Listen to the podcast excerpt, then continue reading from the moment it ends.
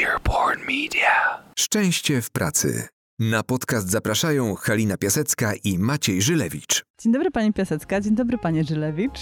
A, dzień dobry pani Boni. Jakże nam miło. Dawno się nie widzieliśmy. Dawno się nie widzieliśmy i wracamy na ławce parkowej z naszą kolejną rozmową i zastał nas tutaj na tej ławce już wrzesień. To prawda. Czas leci. Dobrze, Halina, że podkreślasz, że to, co powiedziałem, Czas jest zgodne z leci. prawdą. Czas leci, jesteśmy we wrześniu, zaczynamy nowy sezon odcinków i stwierdziliśmy, że skoro e, jest to nowy sezon, to warto zacząć od wielkiego wybuchu.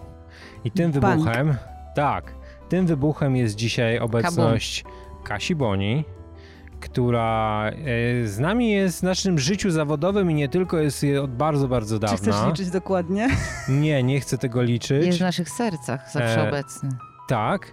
E, Nie chcę tego na pewno liczyć, ale wiem, że Kasiu, no, o tym po czym pewnie powiemy za chwilę, ale Mhm. pracowałaś z nami, ale dzisiaj nie jesteś znana z tego, że pracowałaś z nami, tylko jesteś znana z tego, że jesteś autorką książek. Za wcześnie was opuściłam po prostu. Nie doczekałaś swojego momentu sławy w naszych szeregach, w szeregach e, Piasecka i Żylewicz, ale zdecydowanie doczekałaś czegoś chyba bardziej wartościowego, czyli momentu chwały jako e, bardzo ciekawa pisarka, która wraca teraz w tym roku, z, w tym ciekawym czasie, z nową książką, książką Oroville, Miasto, z marzeń. Tak. Powiedzieliśmy to razem, Maciek. Powiedzieliśmy to w dwugłosie. I trochę dzisiaj porozmawiamy o tej książce, ale też porozmawiamy o w ogóle szczęściu w pracy. Mhm. Bo moja pierwsza refleksja, kiedy czytałem o Oroville, a, w- a wcześniej też widziałem jakieś dokumenty, e, była taka, że rozmawiamy o pewnej utopii.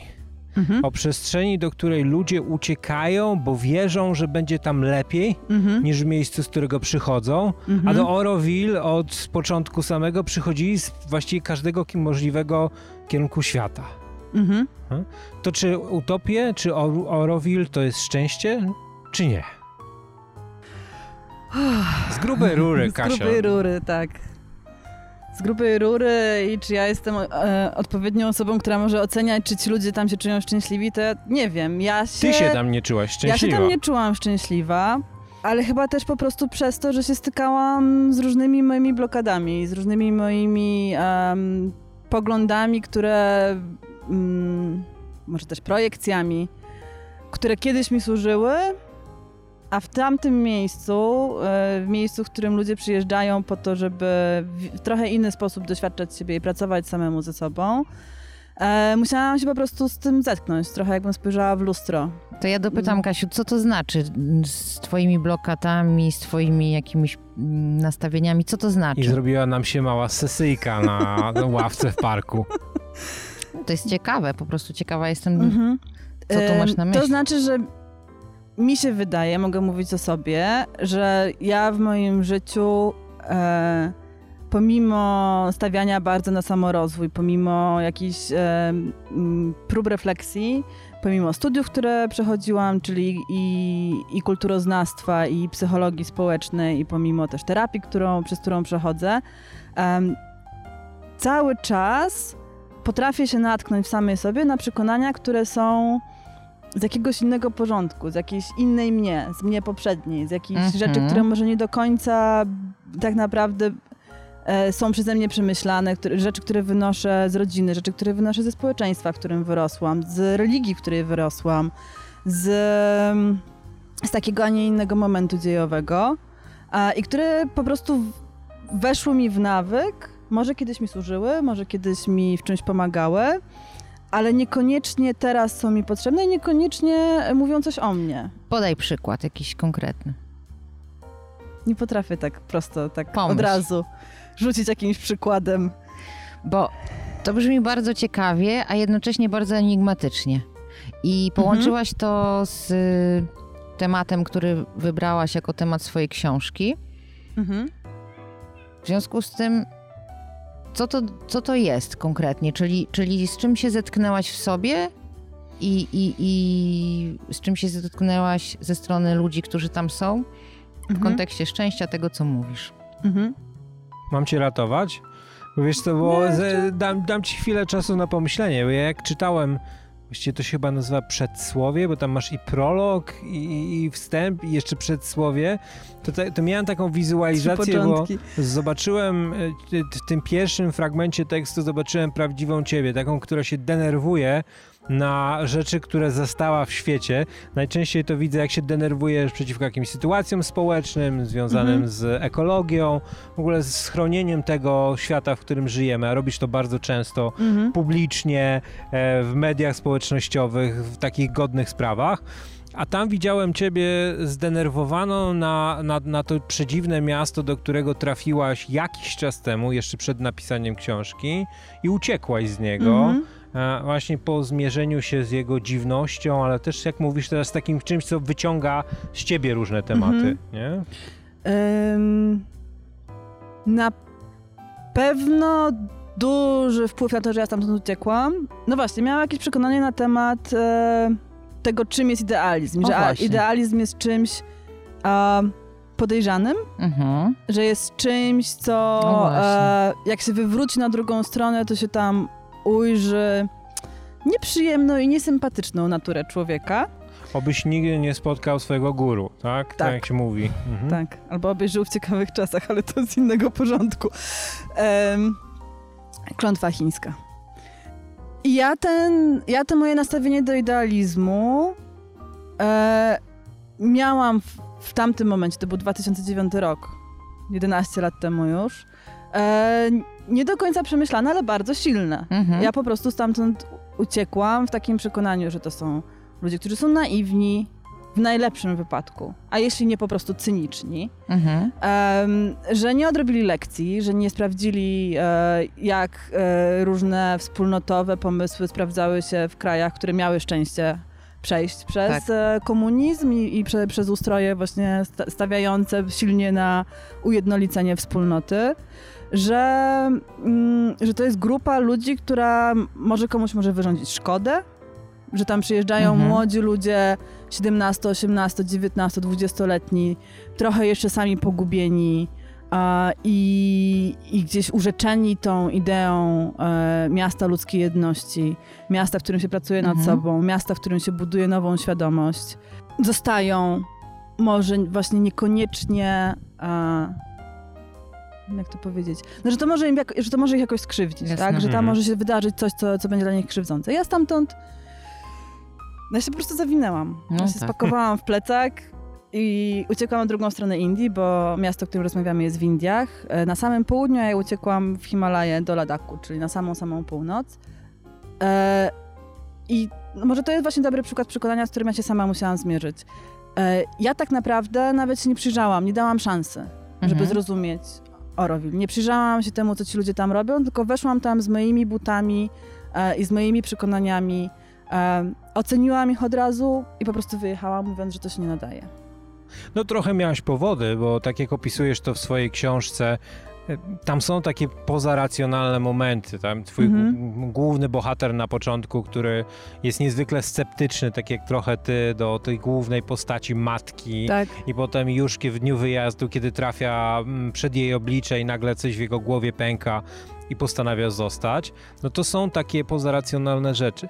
Ja myślę, że my mamy, i dlatego też o tym rozmawiamy w kontekście szczęścia i tego to jest super ważne, czyli rozwoju, my mamy taki mechanizm obronny wypracowany i dlatego e, on przejawia się w formatach takich jak, nie wiem, zdelegalizować coaching, ale też taką naszą naturalną obroną przed wszystkim, co ma znamiona pracy nad sobą. Jak, Mhm. Jakaś osoba, która mówi, jak to robić, wspólnota, która to w pewien Mhm. sposób robi. E, Mam poczucie, że to jest dlatego, ta książka jest dlatego tak bardzo istotna w ogóle dla tematów szczęścia, o których my rozmawiamy, że pokazuje, że rzadko kiedy te rzeczy są aż tak jednoznaczne i rzadko kiedy są tak czarno-białe. Mhm. Jeszcze jest też tam, tam jest jeszcze też lęk przed słowem duchowość, tak? W nas, która się, poja- który się pojawia, tak. wręcz lęk przed E, słowem tak. duchowość. Aha. Że to od razu oznacza jakiegoś, jakiś banał, jakąś miałkość, jakieś tereny, które są grząskie, nie do końca wiadomo jak tam wejść i po których przewodnikiem są ludzie typu Paulo Coelho, nic mu nie Mhm. ujmując, ale którzy to trochę No trywializują. mu trochę, dobra, bo To już, którzy to trywializują, tak? strywializował Tak. wiele tematów Tak. w niezwykły sposób. Tak. Mhm. Em, I że ta duchowość rzeczywiście się wypaczyła i my nie potrafimy o niej rozmawiać, co nie oznacza, że jej nie ma. I co nie oznacza, że, że nie jest jakimś em, składnikiem naszej codzienności. E, I chyba też ważną, e, ważnym elementem szczęścia. Elementem szczęścia, ale też potrzebą, którą nawet jeżeli odsuwamy gdzieś tam, chc- Mhm. chcąc bardzo, bardzo racjonalnie podchodzić do życia, to ona w którymś momencie wypływa w taki sposób, który może budzić nasz strach w różnych naszych właśnie zachowaniach, reakcjach. Czasem to widzimy, rozumiemy, czasem nie. Ale jeszcze mm, wracając do Orowil i, i twojej książki. Dlaczego wróciłaś? Dlaczego zdecydowałaś się o tym pisać? I to tak po dekadzie prawie, nie? Ja mam, tak, bo ja mam strasznie dużo wątków, które mi się w głowie pojawiają. Powinna mieć karteczkę i zapisywać sobie z boku. Em, zbierając e, twoje, Maciek, pytanie i twoje, Halinka, pytanie, e, wróciłam, bo coś się we mnie takiego pozmieniało, że byłam gotowa się zmierzyć z czymś, co nie jest do końca racjonalne. Już nie potrzebowałam mieć aż Mhm. takich struktur, już nie potrzebowałam takiego właśnie tego podziału świata na czarno-białe, który miałam, jak miałam 15-20 lat. Miałam taką potrzebę, żeby mój świat był ustrukturyzowany, żeby było wiadomo, że to jest A, a to jest B i że nie ma żadnych Tak. płcieni pomiędzy tym, że tam nie ma O, tak? Pomiędzy, Mhm. pomiędzy ty, tym, tym wszystkim. Em, I ta potrzeba gdzieś e, po prostu zaczęła znikać. Ja byłam gotowa się zmierzyć z czymś, czego nie rozumiem. Mhm. Em, więc to tak mówiąc o mojej prywatnej potrzebie, dlaczego ja tam byłam gotowa wrócić, ale ja też sobie zdawałam od samego początku, kiedy tam byłam, jak tylko wyjechałam, czy kiedy ja pierwszy raz usłyszałam o Oroville, to mnie ciarki przeszły po, e, po, po, po plecach i po kręgosłupie, e, bo to jest świetny temat reporterski.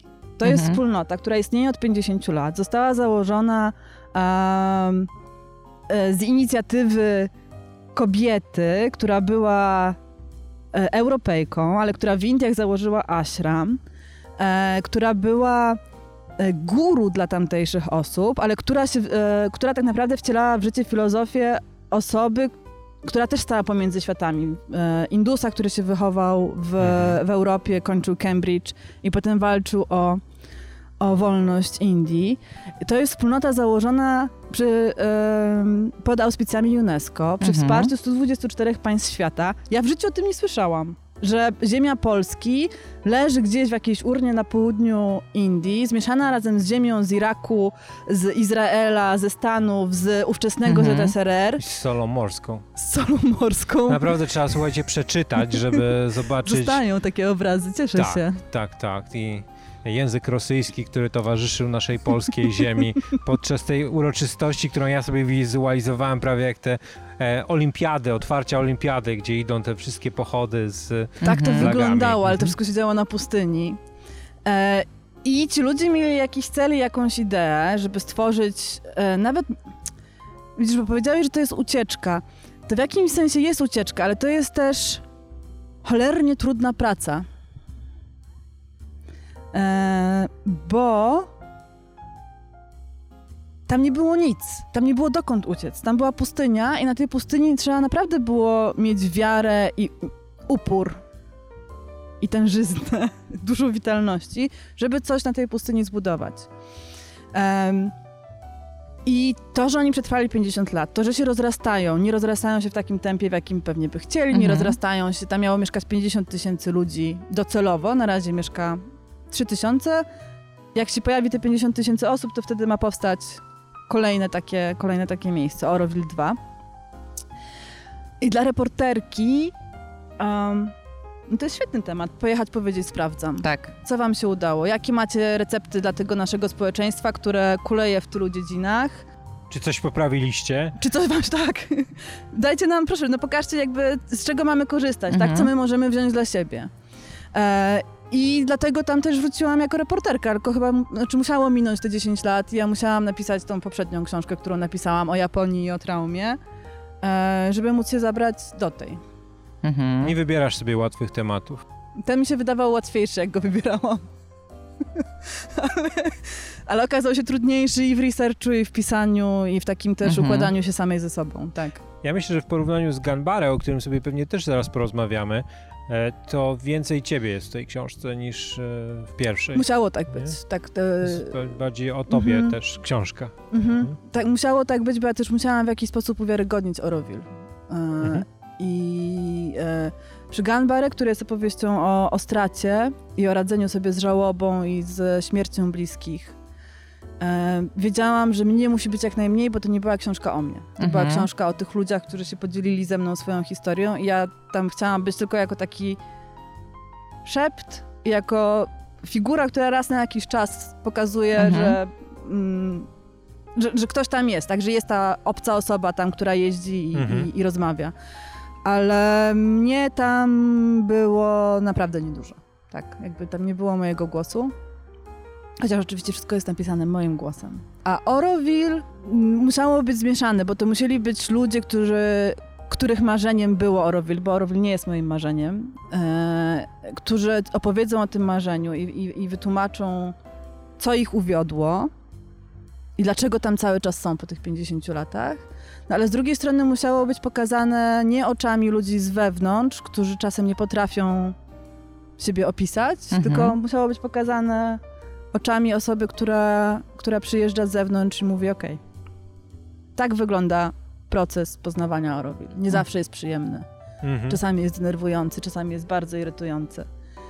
Um, no ale, ale sprawdzam dalej, co jest za kolejnym zakrętem tej Mhm. irytacji, tak? I, i, I tego niezadowolenia. Kasiu, a jeszcze wracając do tego, o czym powiedzieliśmy tutaj już, y, czyli, że znamy cię długo, y, że współpracowaliśmy wcześniej, y, o tym y, rozwoju i, i o jakichś wyborach ważnych, Mhm. których w życiu dokonałaś. Bo przeszłaś jakąś drogę. y, Wcześniej pracowaliśmy razem, tworząc różne projekty. Bardziej biznesowo, prawda? Tak, Mhm. w- warsztaty. Ale też bardzo kreatywnie. Też Tak, kreatywnie, kreatywnie, tak, tak. jak najbardziej. Prowadziliśmy badania, e, działaliśmy razem. Opowiedz trochę o tym, jak wyglądała Twoja droga dojścia do, do, do tego miejsca zawodowo, gdzie jesteś. Jak, jak tych wyborów dokonywałaś, Mhm. bo ten temat wyborów jest niezwykle ważny w kontekście bycia szczęśliwym w życiu i w pracy, a tutaj Mhm. odnosząc to właśnie do tej pracy, do życia zawodowego. Mhm. Chcesz coś dodać? Bo tak, tak Nie, On słucha, absolutnie on nie. słucha. Wsłuchuję się w wasze pytania i odpowiedzi. Tego, co powiesz, ja przynajmniej bardzo. Ja mam poczucie, że to oczywiście są wybory, ale że to raczej jest cały czas dochodzenie do tego, co ja od samego początku wiem, że chcę robić. Ja od nie, nie wiem, ile musiałam mieć lat, no niedużo lat, y, kiedy zaczęłam jakieś y, gryzmolić rzeczy na kartce. I jakoś to przekonanie, że, że chcę pisać, że w ten sposób y, to jest dla mnie najlepszy środek wyrazu, znacznie lepszy niż, niż mówienie Mhm. albo niż em, wykorzystywanie rąk do malowania, bo tego zupełnie nie potrafię. E, że to jest po prostu dla mnie co, coś, co mi przychodzi z łatwością, coś, co mi sprawia dużą przyjemność. Em, I to gdzieś zostało tak zahaczone jako, jako cel, który nie musi się spełnić od razu. I, I różne moje wybory po prostu są taką krętą drogą skręcającą raz w tą stronę, raz w tą stronę, raz w tą stronę, która, e, która po prostu prowadzi do tego, co chcę robić. I ja cały czas nie mam poczucia, w sensie ja robię to, co chcę robić, ale cały czas mam poczucie, że jeszcze jest dużo tych zakrętów Mhm. przede mną, zanim będę sobie mogła powiedzieć, a okej, dobra, to jest, to było dokładnie to. Mhm. Cały czas szukam. I też e, to może wynikać mm, różne moje wybory życiowe e, kierunków studiów e, wynikają też po prostu z z jakichś z, no, za- zainteresowań, ale też z jakiegoś takiej, takiej potrzeby, żeby e, dużo pochłonąć. Mhm. Ja kończyłam dwa kierunki, teraz mnie też nosi, żeby jeszcze się zapisać może na biologię morską, bo wspomniałeś o, o moim zaangażowaniu w zmiany klimatyczne i ta biologia morska tak za mną chodzi, chodzi od dłuższego czasu. Zaangażowanie w zmiany klimatyczne to źle brzmi.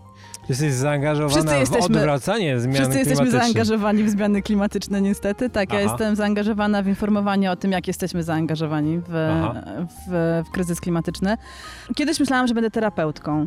Dzięki Bogu nie dostałam się na, e, na psychologię e, kliniczną. I po kilku latach kulturoznawstwa stwierdziłam, że jednak bardziej mnie interesuje człowiek i grupa, Mhm. zdałam na psychologię społeczną. Poznałam was i stwierdziłam, że taki, że, że, że warsztaty rozwojowe, że e, coaching tego, tego typu prowadzony, że też ta kreatywna strona warsztatów, którą, którą z wami robiłam, czyli projektowanie gier, które miały No właśnie. w jakiś sposób, e, które były e, robione pod, pod klienta, unikatowe i które miały odpowiadać na konkretne zapotrzebowanie i rozwiązywać konkretny Mhm. problem.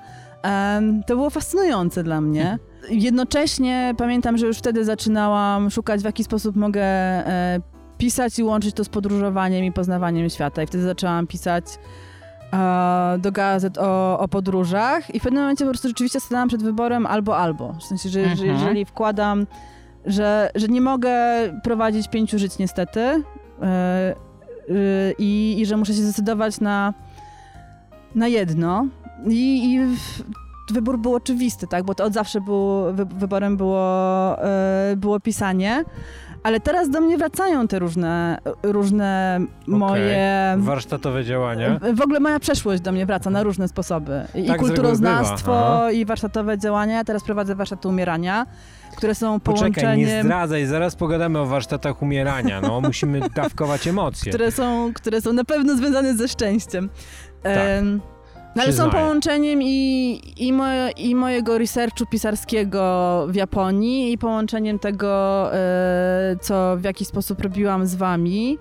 E, I myślę, że to jeszcze, znaczy ja nie wiem, co będzie dalej, jakie, jakie wybory są przede mną, ale że to wszystko się jakoś e, w przedziwny sposób e, łączy i, i spina. Mhm. To wiesz co, to dziękuję ci bardzo, bo tutaj się kończy moja dziesięcioletnia trauma, bo ja myślałem, że twoja zmiana, o której teraz już wiem, że ona jest taka wypracowana, że ona się wiązała z takim feralnym wydarzeniem. Nie wiem, czy pamiętasz, jak pojechaliśmy razem do Płocka i zostaliśmy zgarnięci w nocy przez policję na rynku za przechodzenie na czerwonym świetle. Nie pamiętam tego zupełnie. Nie pamiętasz? No widzisz, wyparłaś to. Ja myślę, że to jednak Myślisz, było to była to. trauma? Temat na terapię. Była noc, była prawie północ, by padał śnieg, nie było absolutnie nikogo żywego o tej godzinie w Płocku poza nami oraz dwoma policjantami, którzy tylko czekali, aż Aż e, zrobimy błąd. przekroczymy ten metr kostki brukowej na Znaczy to ja migającym delikatnie czerwonym świetle. Znając siebie, Weźmy to... odpowiedzialność razem.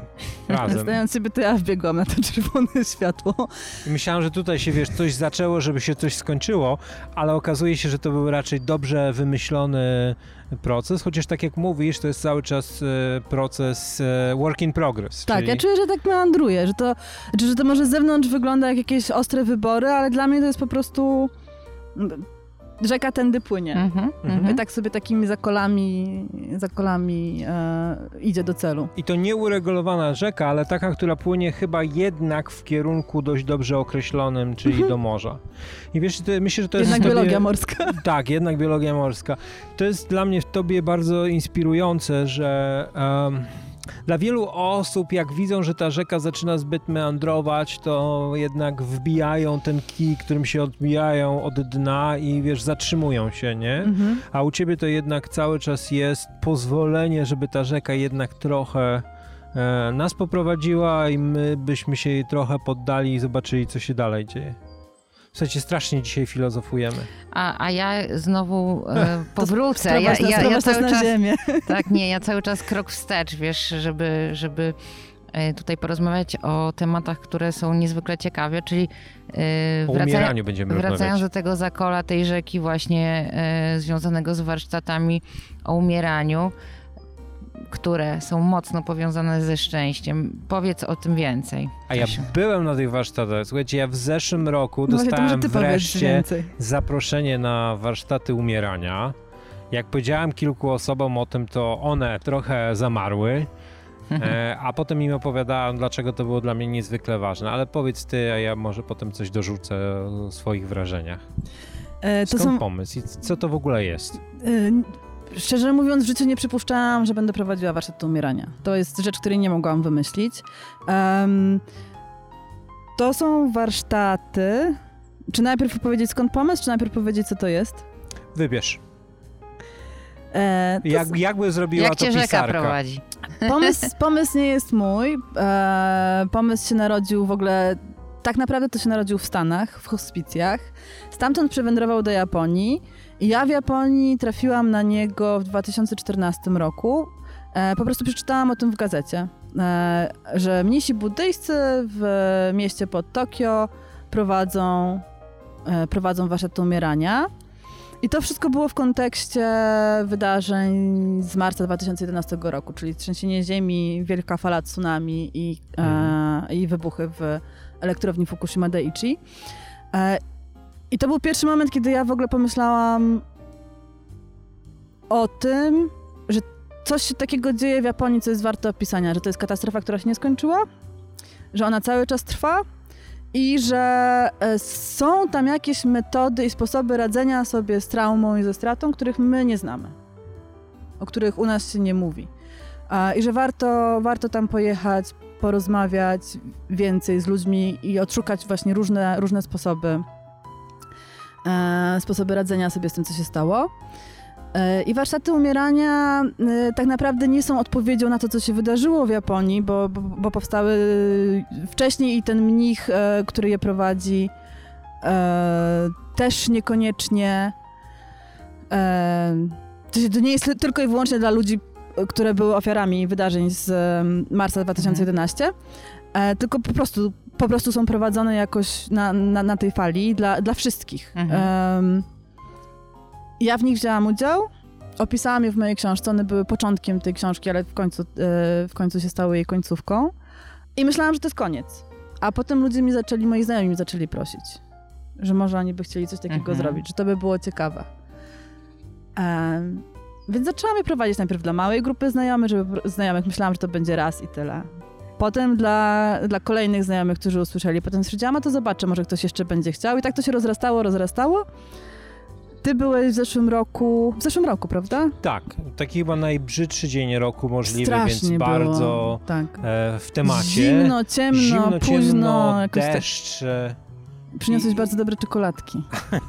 Na to, żeby nam osłodzić to umieranie. To prawda, ja lubię się dobrze przygotować do takich ważnych rzeczy. Byłeś bardzo punktualny. Tak. Tak, pamiętam. E, i, po, I po tej grupie znajomych, które, w której ty, ty byłeś, e, to ja potem zaczęłam to prowadzić już oficjalnie dla większych grup, dla ludzi, których nie znam. Zaczęłam w Miedziance, na festiwalu w Miedziance, Mhm. reporterskim festiwalu organizowanym między innymi przez Filipa Springera. I, I potem miałam kilka grup jeszcze w Polsce. Wyjechałam dokończyć książkę o Oroville. Zaczęła się pandemia. Spotkało mnie bardzo dużo dobrych rzeczy. e, Bardzo dużo wsparcia dostałam od ludzi podczas tego wyjazdu i stwierdziłam, że też chciałabym coś Mhm. dać. Nie w zamian, ale po prostu, skoro jakby mi, mi się tyle dobra tam przydarzało, to ja też mogę coś dać w zamian.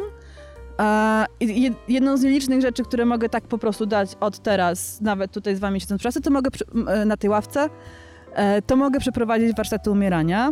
Em, więc zaczęłam się przymierzać do formatu online. Dostałam na to stypendium ministra kultury. Super. E, I robię to od lipca e, w formie wirtualnej. Mhm. Co się dla wielu ludzi bardzo sprawdza z kilku powodów. E, obawiałam się tej formy, bo to są warsztaty, podczas których ja jestem bardzo czuła na to, co się dzieje z ludźmi. Jakby jestem, to, Potwierdzam. jestem tą osobą, która, em, która wyczuwa, jaka jest atmosfera i która po, w jakiś sposób wspiera ludzi w tym procesie. I nie byłam pewna, czy to się uda e, przez internet. Przeprowadziłam grupę testową. I wyglądało na to, że, że, że, że to się sprawdza. I teraz mam już ze sobą cztery, cztery pięć, pięć warsztatów. To, co jest plusem dla wirtualnych warsztatów, to jest anonimowość przeżywania tego, co się dzieje. Mhm. Nie siedzimy wszyscy w jednej grupie. E, jeśli ktoś nie lubi pokazywać swoich uczuć przed ludźmi, których nie zna, to po prostu i tak są mikrofony wyłączone, można wyłączyć. Ma tą e, intymność. ma ogromną intymność. Mhm. E, Ma też możliwość, ja w tych warsztatach bardzo podkreślam odpowiedzialność za, za własne emocje, za uczucia i za własne samopoczucie. Czyli coś, czym wszyscy jesteśmy bardzo dobrzy jako ludzkość, Świetnie tak? sobie radzimy. Tak świetnie sobie z tym radzimy. Świetnie sobie z tym radzimy, więc o tym mówię 10 razy, że jeżeli ktoś się nie czuje na siłach, żeby je kończyć, albo jeżeli ktoś po ich skończeniu Mhm. ma ochotę pobyć sam ze sobą, to ja się nie obrażę. Może po prostu wstać i wyjść. Tak. Na warsztatach prowadzonych twarzą w twarz to wymaga rzeczywiście no takiej pewności siebie, że Odwagi. mogę to zrobić. Mhm. E, I że nikt się nie poczuje urażony. A na warsztatach wirtualnych rzeczywiście jest łatwiej zadbać o siebie. Tak. Kasiu, a, a jeszcze Mhm. zapytam, dlaczego te warsztaty łączą się ze szczęściem? Co, co ma jedno No do teraz dochodzimy do odpowiedzi, bo moja rzeka meandruje czasami w bardzo długiej, rozległej odpowiedzi. E, te warsztaty, które mają przewrotny tytuł Warsztaty Umierania i które są historią, e, symulacją odchodzenia i straty, są tak naprawdę warsztatami, które zachęcają do refleksji nad życiem Mhm. które pomagają e, w krótki, e, szybki i prawdziwy sposób zobaczyć, co czujemy, kiedy tracimy dla nas rzeczy ważne. E, ale jako, że są tylko ćwiczeniem, że są tylko i wyłącznie warsztatami, a nie są realnym, prawdziwym życiem, nie, nie są naszą rzeczywistością, to pomagają nam też zrozumieć, e, że nasze życie jest przebogate, że mamy w nim już teraz rzeczy, które, rzeczy, osoby, marzenia, ambicje, czynności, które uwielbiamy robić, e, ludzi, z którymi uwielbiamy spędzać czas.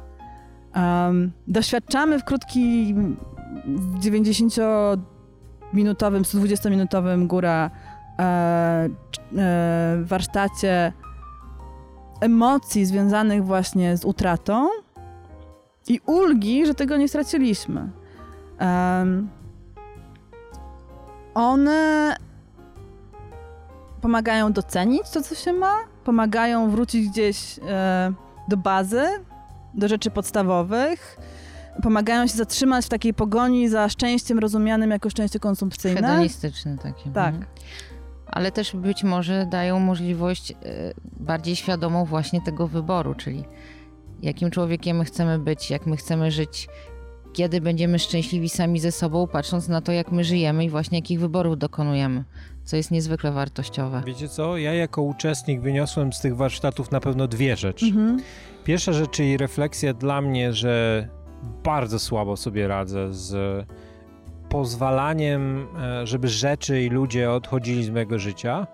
I to jest myślę, że olbrzymia refleksja po i taka możliwość popracowania też nad sobą w tym temacie, bo to wbrew pozorom umieranie jest, jest jakby jednym tylko z kolorów tego o, o puszczania ludzi Mhm. albo, albo rzeczy dookoła nas. A druga refleksja była moim zdaniem dla mnie jeszcze bardziej ciekawa, że musiałem bardzo walczyć ze sobą w tym doświadczeniu grupowym, żeby nie oceniać innych dookoła, że mają zupełnie inne podejście do życia i zupełnie inne Mhm. priorytety.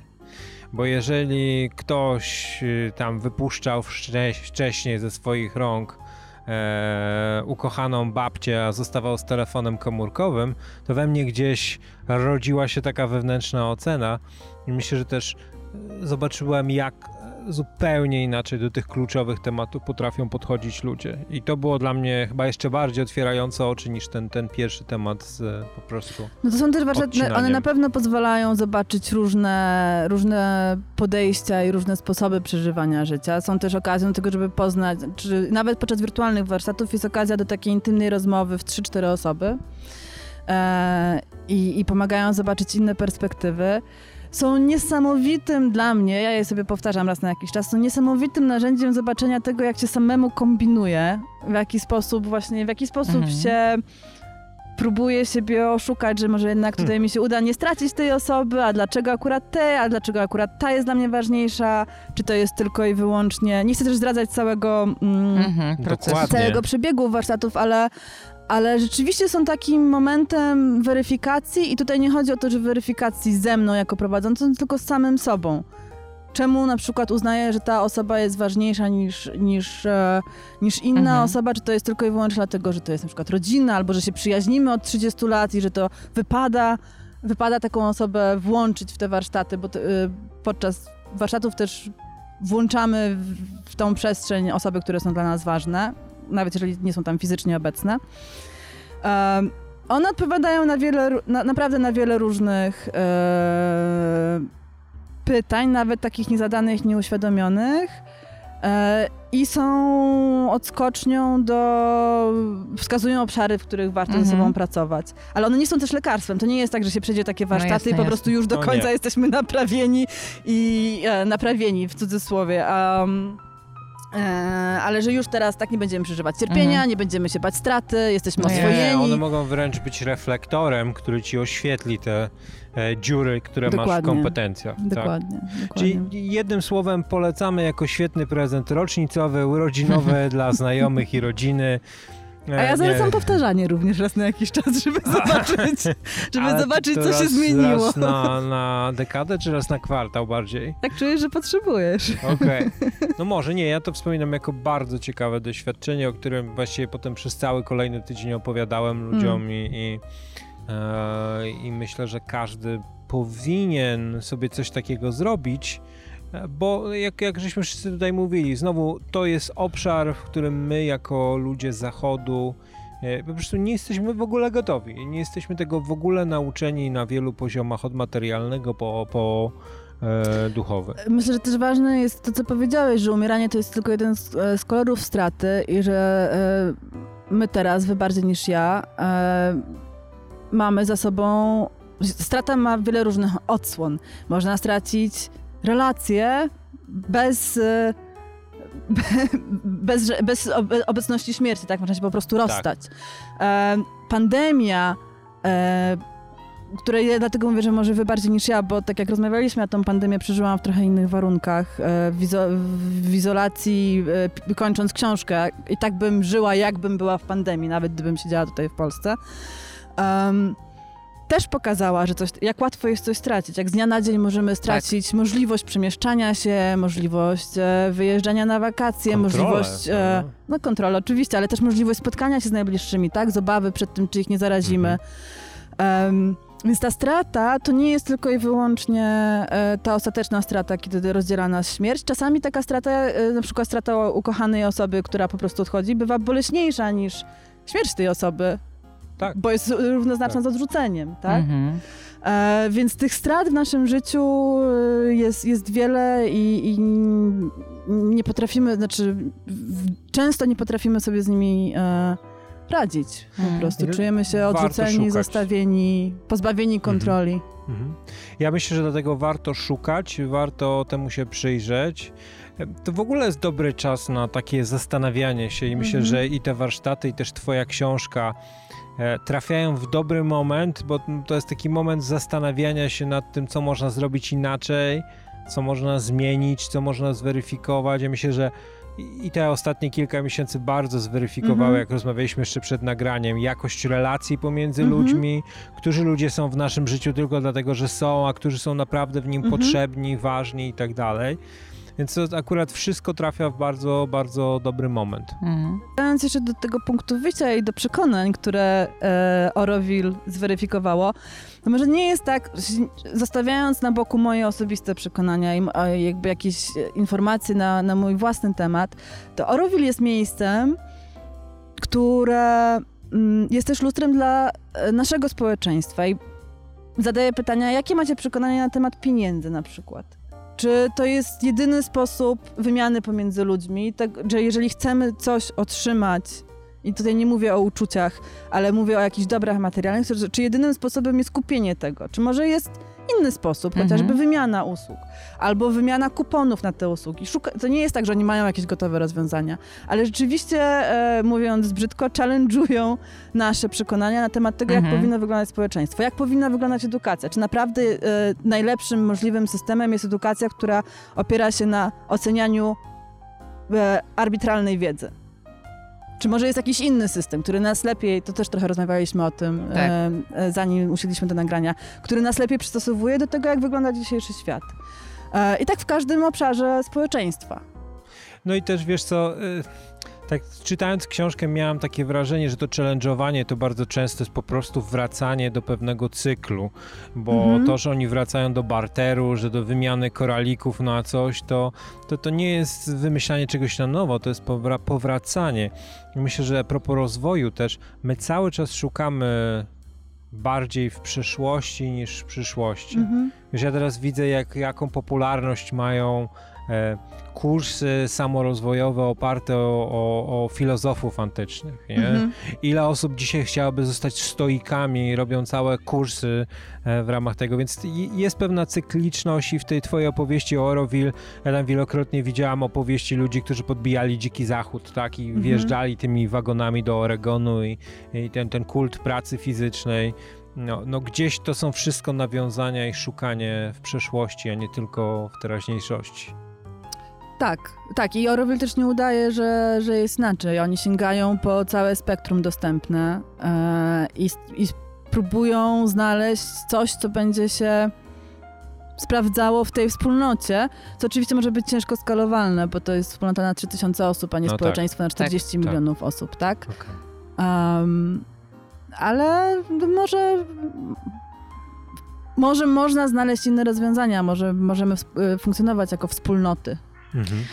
No i Kasiu, to tutaj jeszcze, y, jeszcze wracając, zobacz, ja cały czas gdzieś tam powracam do tego, Helena Co tu dzisiaj mocno mówisz? dzisiaj osadzona w przeszłości. Ja jestem waszą zewnętrzną, nie, nie, nie, jestem waszą zewnętrzną pamięcią. Ja po prostu powracam do tych, do tych łuków, y, którymi Bardzo płynie twoja dobrze. rzeka naszej rozmowy dzisiaj.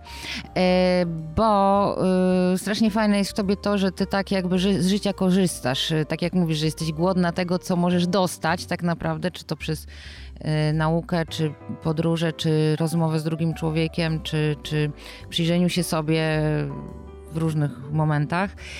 I w związku z tym masz te zakręty, które prowadzą cię w, w kierunku twojego celu, a jednocześnie korzystasz z tego odejścia na bok i, i Mhm. czerpiesz. To powiedz w takim razie, i tu dochodzę do sedna, e, bo jestem ciekawa twojej odpowiedzi. Uf. Czym jest dla ciebie to szczęście w pracy? Ja tak świadomie unikałam. A ja obiecałam, że zapytam. Wiem. Już wcześniej mówiłam, ja świadomie uprzedzałam. całą rozmowę unikałam tematu szczęścia. Jak się tylko pojawiało, to, e, to wracałam gdzieś do Orowil albo do warsztatów umierania. E, jest mi trudno odpowiedzieć na to pytanie, bo ja mam ze szczęściiem... Bo to jest trudne pytanie. ze szczęściem taki problem, że tak- życie w kulcie szczęścia powoduje cierpienie. Mhm. No tak, to odrzucając tą definicję hedonistyczną, że jesteśmy zawsze zadowoleni, uśmiechnięci, jest nam dobrze, tylko w tym znaczeniu głębszym, którego szukasz, tak mam wrażenie cały czas. Czyli kiedy ty po prostu w swojej pracy czujesz, że jesteś szczęśliwa, nawet jeśli wymęczona, jeśli masz dość, jeśli masz te właśnie trudne momenty, czyli w tym znaczeniu bardziej takim związanym z wartościami, z jakością życia, o czym mówisz. Kiedy ty się czujesz szczęśliwa w pracy? Czuję się szczęśliwa, kiedy przychodzi do mnie kolejny temat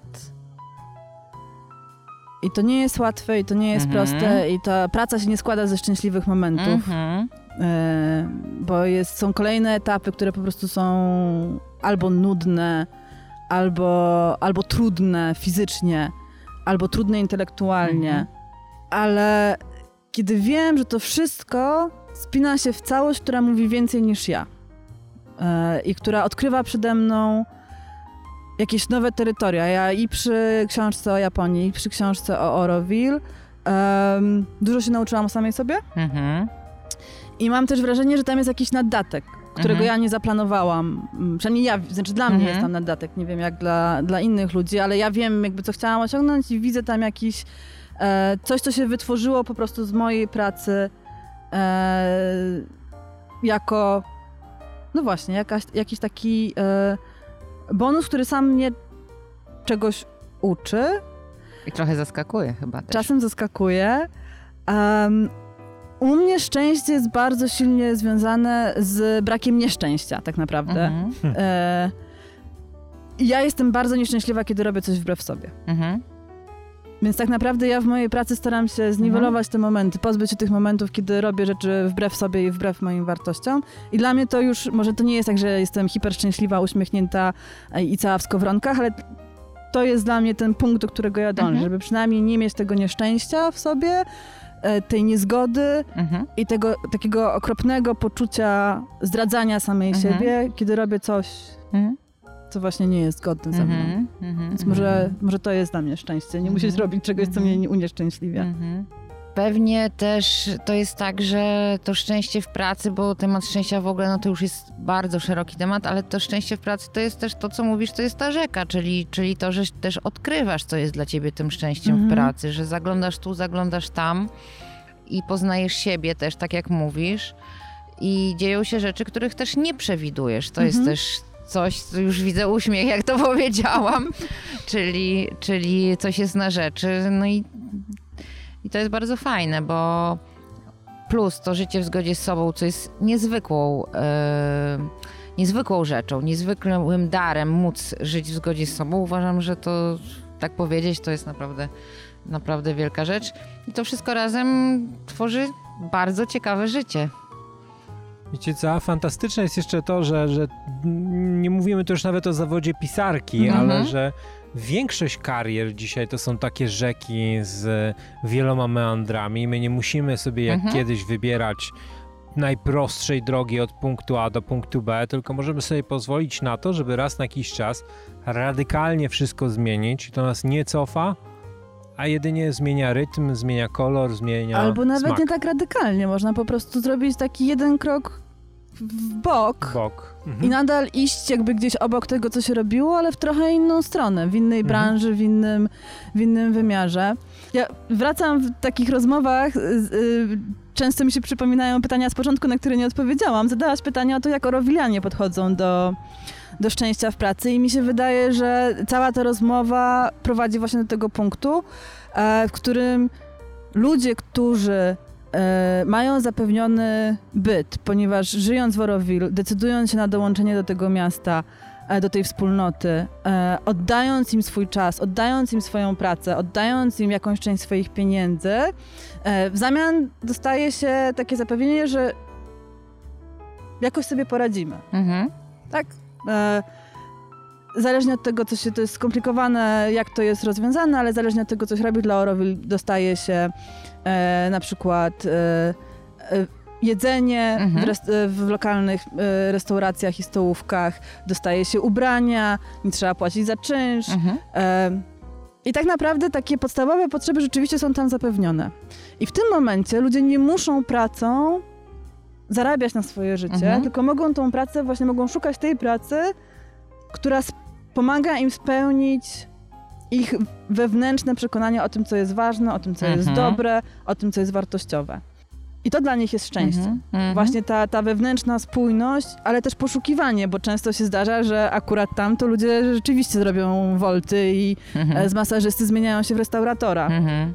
E, bo można, bo można Mhm, próbować, mhm, bo, mhm. bo jest też przyzwolenie na to, żeby, żeby szukać. Wiesz, co jest fenomenalne, że jakbyśmy odchodzili od każdego wątku, który dzisiaj poruszyliśmy, to moglibyśmy z tego zrobić 12-godzinne słuchowisko, bo mi już się, zaczęły się zapalać w głowie wszystkie te eksperymenty społeczne z pensją gwarantowaną Tak, nie? i jak ludzie tak. się zachowują, bo trochę w tym jest. Ale myślę, że fajnie, jak wszyscy sobie sami trochę poeksplorują to, co się ciekawego kryje w Oroville. E, Kasiu, niezwykle Ci dziękujemy Ja dziękuję. za nasze parkowe spotkanie. Bardzo dziękuję. Bardzo Dziękujemy. dziękuję. Was zachęcamy do zastanowienia się nad tematami związanymi z rozwojem, z tymi zmianami, z podejmowaniem decyzji. Do przeczytania książki. Do przeczytania książki. Jak traficie do księgarni albo będziecie jej szukać w internecie, to my mówimy tutaj pięknie i podobno poprawnie Oroville, natomiast szukajcie Można jako mówić Auroville. Auroville, tak, czyli zaczynając od litery A, a niekoniecznie od litery O. o. Zapraszamy Was na kolejne odcinki, zapraszamy Was do lektury, a być może też do warsztatów umierania razem z Kasią. Naprawdę ciekawe i zmieniające myślenie doświadczenie. Ja was też zapraszam na warsztaty. No ja Ponownie wrócę, ale wiesz co, ale zaopiekuj się lepiej panią Piasecką, bo pani Piasecka jeszcze nigdy publicznie nie umierała, a ja już to raz mam za sobą, więc y, zbliża się akurat podobna aura, deszcz, zimno, ciemno. Listopad najlepszym miesiącem. Listopad jest najlepszym miesiącem na rozważanie swojej śmiertelności. Okej. Tym Dziękujemy Ci bardzo. akcentem kończymy nasz odcinek. Wszystkiego dobrego i do usłyszenia w kolejnym Dziękuję wam bardzo. Do usłyszenia. Do usłyszenia. Dzięki. Szczęście w pracy.